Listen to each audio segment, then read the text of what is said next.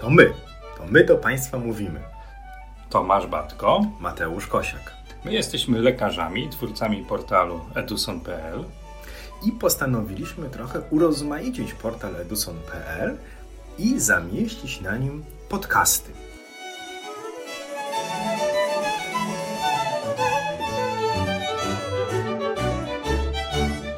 Dlaczego nie mówimy o tym, co nas boli otwarcie?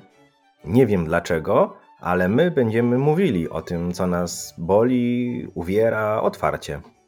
Są takie bóle, które są bólami, nazwałbym regionalnymi, niezrozumiałe dla innych części Polski, bo to mam na myśli nie tyle ból ludzkiego ciała, co ból związany z tendencją do nadmiernego kierowania naszych pacjentów na pewien rodzaj badań ultrasonograficznych.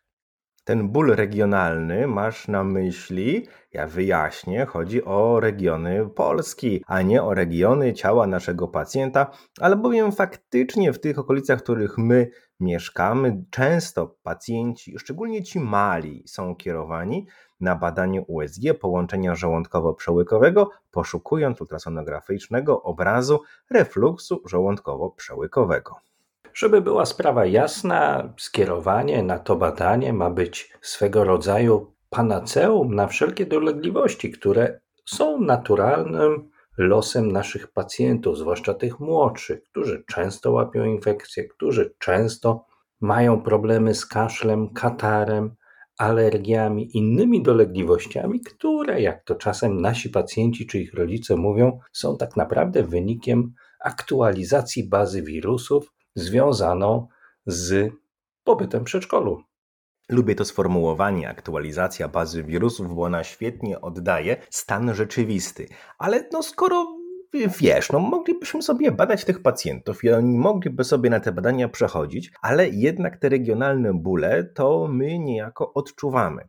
Kiedy ja jestem człowiekiem zbolałym, albowiem często boleję nad losem małego człowieka, powiedzmy sobie do 6 miesięcy życia, który to biedak na godzinę 19 jest targany na USG jamy brzusznej celem wykonania niesamowicie ważnego badania połączenia żołądkowo-przełykowego, jakby od tego badania cokolwiek zależało, czy jest refluks żołądkowo-przełykowy, czyli zjawisko cofania się treści pokarmowej u pacjenta w pozycji leżącej z żołądku do przełyku. W tej kategorii wiekowej do 6 miesiąca życia ze świeczką szukać tego, u którego tego obrazu my nie zauważymy. Ten obraz nabiera znaczenia, kiedy my poszukujemy, czy to jest reflux związany z naturalnym rozwojem połączenia żołądkowo-przełykowego czy innymi sytuacjami w jamie brzusznej, jak na przykład nasilone ulewanie związane ze zwężeniem odźwiernika, jak na przykład powiększenie wątroby śledziony czy inne wady przewodu pokarmowego.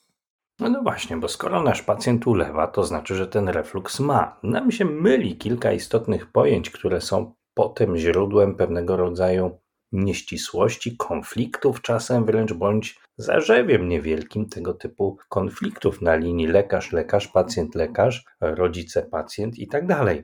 To niezrozumienie jest wynikiem tego, że mylą się nam dwa pojęcia. To, do czego służy badanie USG, czyli ocena połączenia żołądkowo-przełykowego pod względem oceny budowy anatomicznej, bo to możemy zobaczyć i możemy czasem zobaczyć, zaobserwować w czasie badania obecność fal zwrotnych żołądka do przełyku, które, tak jak wspomniałeś, wcale niczym złym nie muszą być. Ale nasze ultrasonograficzne zadanie nie polega przecież na rozpoznaniu refluksu w znaczeniu choroby refluksowej, czyli wszelkich dolegliwości, które są wynikiem patologicznego refluksu, a polega na ocenie tego, co my możemy zobaczyć. Czy mamy prawidłową budowę żołądka, przełyku, kanału odźwiernika, dwunastnicy, czy nie ma cech, które sugerowałyby objawy niedrożności górnego odcinka przewodu pokarmowego, czy nie ma innych nieprawidłowości, które mogą skutkować nadmiernym ulewaniem, a mogą być błędnie przez nas interpretowane jako refluks. Tu musimy sobie sytuację wyjaśnić. Samo kierowanie pacjentów, aby zobaczyć, czy te fale zwrotne są, czy nie ma, w pierwszym półroczu życia, ja będę szczery, nie ma najmniejszego sensu. Bo one tam będą Kierowanie na USG ma sens wtedy, kiedy chcemy zobaczyć, czy te fale zwrotne nie wynikają z innych, nakładających się na fizjologiczną niedojrzałość połączenia żołądkowo-przełykowego sytuacji.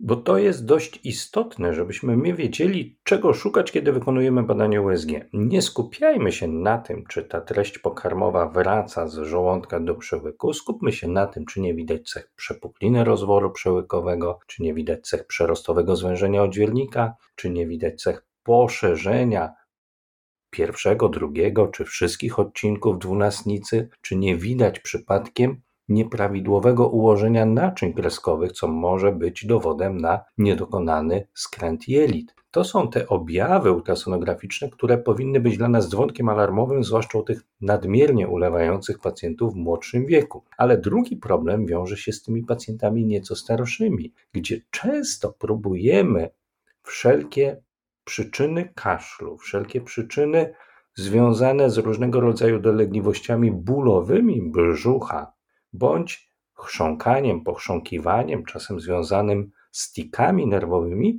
traktować jako objaw refluksu i znowu zamazywać pewien obraz kliniczny innych rozpoznań, szukaniem na siłę tego, czego w USG po pierwsze zobaczyć się nie da, a po drugie, co można dobrze udowodnić u naszych pacjentów, zbierając dobrze wywiad, że ta przyczyna leży całkiem gdzie indziej, a nie w żołądku. I to jest grupa druga pacjentów, którą teraz wymieniłeś, gdzie ja jako badający często mam bóle, albowiem właściwie nie istnieje już coś takiego jak kaszel poinfekcyjny, który kiedy się skończy, to zaraz pojawia się kolejna infekcja. Człowiek powinien żyć bez kaszlu, bez kataru i mieć idealną, gładką skórę jak autostrada A1. No a tak nie ma nasze brak zdolności, umiejętności, chęci zaakceptowania zjawiska jak kaszel poinfekcyjny często wymusza dalszą diagnostykę w postaci poszukiwania fal zwrotnych z żołądka do przełyku. Jak takie badanie wygląda u dzieci starszych? Wygląda to w ten sposób, że po zbadaniu narządów jamy brzusznej taki pacjent musi wypić trochę płynu, nie ma takiej objętości, która to byśmy powiedzieli jest konieczna, żeby badanie się udało, ale najczęściej prosimy pacjenta, żeby trochę tego płynu wypił. No i jak pacjent ten płyn wypije, położy się na plecach, to on już zaczyna kaszleć, zanim my te głowice do niego przyłożymy. Więc ja czasami zastanawiam się, na ile taka próba wypicia i położenia pacjenta w gabinecie nie będzie równie skuteczna, co kierowanie tych pacjentów na oglądanie ich fal zwrotnych z żołądka do przełyku. Ważną informację przekazałeś nam, która być może przemknęła przez nasze uszy w sposób niezauważony, a mianowicie po wykonaniu badania USG jamy brzusznej. Przestrzegamy Państwa przed tym, żeby ograniczać nasze badanie ultrasonograficzne tylko i wyłącznie do oceny połączenia przełykowo-żołądkowego. Ja powiem odważnie, to jest błąd w sztuce. Brzuch pacjenta nie składa się tylko i wyłącznie z końcowego odcinka przełyku. Brzuch pacjenta składa się z całego mnóstwa innych organów i tkanek, które mogą mieć znaczenie diagnostyczne. I pewnym kolejnym elementem związanym ze źle zrozumianym refluksem czy chorobą refluksową, którą możemy czy chcielibyśmy dostrzec w badaniu USG, jest to, że ten refluks u naszych pacjentów często jest turny do innych dolegliwości do alergii pokarmowej, do zaburzeń czynnościowych przewodu pokarmowego, do innych problemów, które mogą się z wiekiem u naszych pacjentów ujawniać. I wcale nie jest tak, że znajdując fale zwrotne do przełyku, my ten problem rozwiązujemy, bo o pacjent ma refluks. Nie, pacjent ma refluks, bo ma inne schorzenia, które ten refluks prowokują. I my też, jako ultrasonografiści, jesteśmy zobligowani do tego, żeby rozmawiać z rodzicami naszych pacjentów, dobrze zebrać wywiad, bo ja zauważyłem, że większość badań ultrasonograficznych u moich pacjentów to tak naprawdę dobrze zebrany wywiad. I tu często będzie się kryła konkluzja, którą zawieramy we wnioskach takiego opisu badania ultrasonograficznego, które wykonujemy.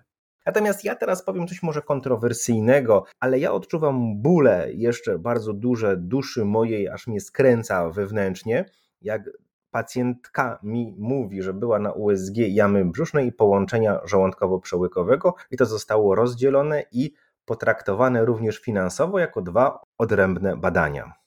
No, ja tego w ogóle udaję, że nie słyszę, bo dla mnie to już jest pewnego rodzaju absurd ultrasonograficzny. A ja to mówię, bo mnie to boli.